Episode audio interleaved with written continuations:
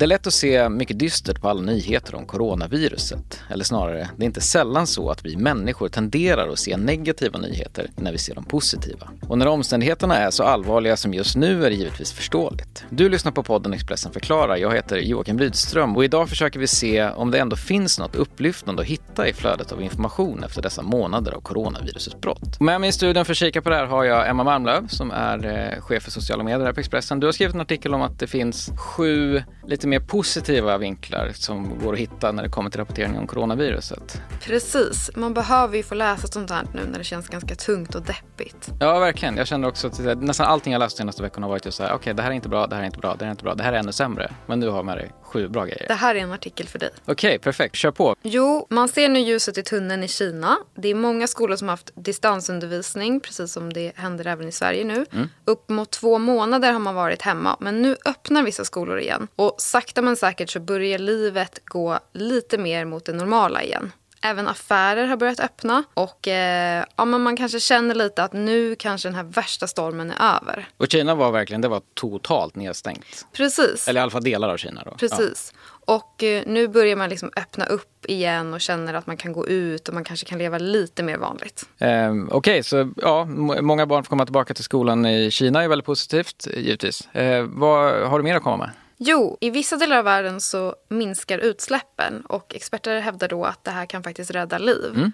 Eh, corona har fått ganska många negativa konsekvenser men nu visar satellitbilder någonting som kan vara ganska hoppfullt. Över norra Italien har det tidigare legat ett ganska giftigt moln av kväveoxid men efter att corona har kommit så har det här nu tunnats ut. Men kväveoxid det kommer av så biltrafik, eh, fabriker? Alltså är det den ja, bland ja. annat. Mm. Och det är satellitbilder från en europeisk rymdstation som visar det här. Man ser alltså uppifrån, mm. svart på vitt. Och även i Kina har det haft samma effekt för när man inte har längre gått till jobbet, man har inte tagit sin bil och man har slutat med utsläppen från fabriker så har det också luftföroreningarna minskat. Och Kina som, som land är ganska, alltså, ja, tråkigt nog känt för att ha stora utsläpp. Det är intressant att se att det så snabbt har blivit en skillnad. Ja, och experterna menar ju nu också att det här kan ha räddat liv eftersom tusentals riskerar att dö av hälsoproblem som är relaterade just till luftföroreningar varje år. Det var två grejer från Kina. Finns det ännu mer som händer i Kina kanske? Verkligen. Ja. Just i Wuhan då, där utbrottet startade, där byggde man ganska snabbt upp temporära sjukhus. Just det, just 16 det. stycken till och med. Och nu har de två sista stängt igen. Och då kan man ju tänka, det låter väl inte bra? Jo, det är det. För att man har inget behov av dem längre. Man byggde upp dem för att det var så många smittade som man behövde ta hand om helt enkelt. Men så de byggde 16 stycken och nu stänger de två stycken. Det är verkligen inget av, av, av eh, sjukhusen som är kvar nu då? Precis, man har ju kvar sina vanliga. Ja, jo, men de här temporära, de har stängt ner. Och det är ju positivt för att då ser man att det inte finns längre ett behov. Jag tycker att man kan stanna kvar i Kina för att vi har ju pratat väldigt mycket om det dåliga som händer där. Men för första gången sedan smittan bröt ut nu så kom nyheten i veckan att det var första dagen där man inte hade några redovisade fall av inhemska fall av corona. Det är ju någonting som är helt nytt under den här tiden som vi har rapporterat om corona. Eh, och det gör ju också att många hoppas och tror att den här turbulenta tiden börjar gå förbi. Så Kina, som där allting verkligen började och där det var riktigt, riktigt allvarligt länge, de har lyckats liksom stoppa det här. Stoppa är kanske fel ord. Agnes Wold var på mig i, i förra podden och sa att ordet stoppa kan man inte använda för coronaviruset det här. Men det kommer inga nya fall helt enkelt. Precis, vissa experter menar ju då på att man börjar få den här smittan under kontroll eller har den under kontroll. Det var fyra grejer. Du lovade sju. Det finns tre kvar. Men precis. Vi kan väl lämna lite Kina för ett tag tänker jag. För att många tänker ju lite på vad som kommer hända med vaccin eller mm, botemedel. Verkligen. Det här är ju väldigt osäkert än så länge. Men i veckan så blev den första personen testad för ett vaccin mot corona. Och det var tvåbarnsmamman Jennifer Haller. Och det här är ju någonting som folk verkligen vill läsa om man ser liksom hoppet i vaccin såklart. Mm. Det pratade Agnes Wold om i förra avsnittet också, att eh, vi får hålla ut nu tills det kommer ett vaccin. Och, och, hon pratade om att det skulle kunna ta ett år, men det här är ju lovande att det kanske kan gå ännu snabbare. Verkligen, och fortfarande, ingen vet ju exakt vad som kommer hända. Det handlar ju väldigt mycket om att man behöver testa, och man behöver testa under längre perioder och så vidare. Men nu har man ändå startat. Men finns det indikationer på att det här går snabbare än tidigare vaccin? Vi har ju sett sars och vi har sett eh, svininfluensan och så vidare. Vet du någonting om om huruvida det här har gått fortare än vad det gjorde när vi tog fram vaccin till de influensorna? Jag vet inte på rak arm, men det man har sett är ju att hela världen sluter upp för att kunna hitta en lösning på det här problemet. Och det är ju alltid positivt att vi kan liksom ha en gemenskap kring det här. Okej, okay, två kvar. Det som vi kanske har sett och läst mest om i Sverige, det är ju de här företagen och privatpersonerna som blir hjältar i den här situationen.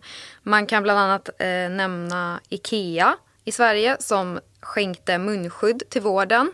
Eh, logistikchefen Johan Andersson han proppade liksom bilen full med sina masker som de hade på, i varuhuset. Och så åkte han till Sahlgrenska sjukhuset för att skänka dem då. Det här var ju någonting som blev otroligt uppmärksammat i sociala medier och som folk verkligen eh, gladdes åt. Vi har också skrivit om Absolut Vodka som ställer om delar av sin produktion. Nu kommer man tillverka ren sprit som kan användas i vården. Och lyxmärket Louis Vuitton de stöttar också upp från sitt håll. I fabriker där man vanligtvis producerar parfym, där kommer man nu att tillverka handsprit. Vi ska såklart inte glömma privatpersonerna som ställer upp för varandra. Vi har skrivit om Anna Gullberg som startade Handlingshjälpen, en Facebookgrupp där man kan höra av mm. sig och säga att jag behöver hjälp med att handla, för jag kanske är i riskgrupp och ska inte röra mig i butik. Vi har skrivit om Sofie Åström som ställer upp och hjälper till med kluriga mattetal för de som pluggar på distans. Jag har sett det där också med just eh, lapparna som sitter uppe i trappuppgångar. Det, alltså, jag blir så otroligt varm i hjärtat över att man, alltså, i, alltså det såg jag redan för kanske två, tre veckor sedan liksom, när det kom de här, ja, är du i riskgrupp, är du gammal, behöver du hjälp, hör av dig så går jag och fixar det. Det, alltså, det bara hände och det är så otroligt alltså bara det gjorde att liksom, ja, men vi kommer klara det här känner man då. Ja men det är, enar ju på många sätt också. Mm. Jag har sett i grupper där man frågar om hjälp där personen svarar att men jag bor inte i närheten men jag har bil så jag åker och hjälper dig. Men eh, det var sex stycken, vi har en nyhet kvar då. Eh, vilken är den sista positiva nyheten om coronavirusets eh, utbredning? Eller ska vi säga i kölvattnet av coronavirusets utbredning? Ja men precis och när du ändå är inne på vatten då mm. så får man väl ändå lyfta att i Italien som varit en av de värst drabbade länderna så har ju turismen minskat. Inte bara för att man inte ska resa dit utan mm. också för att det har varit utgångsförbud och karantän. Och i just Venedig som är känd för sina kanaler, där har det ju gått båtar fram och tillbaka.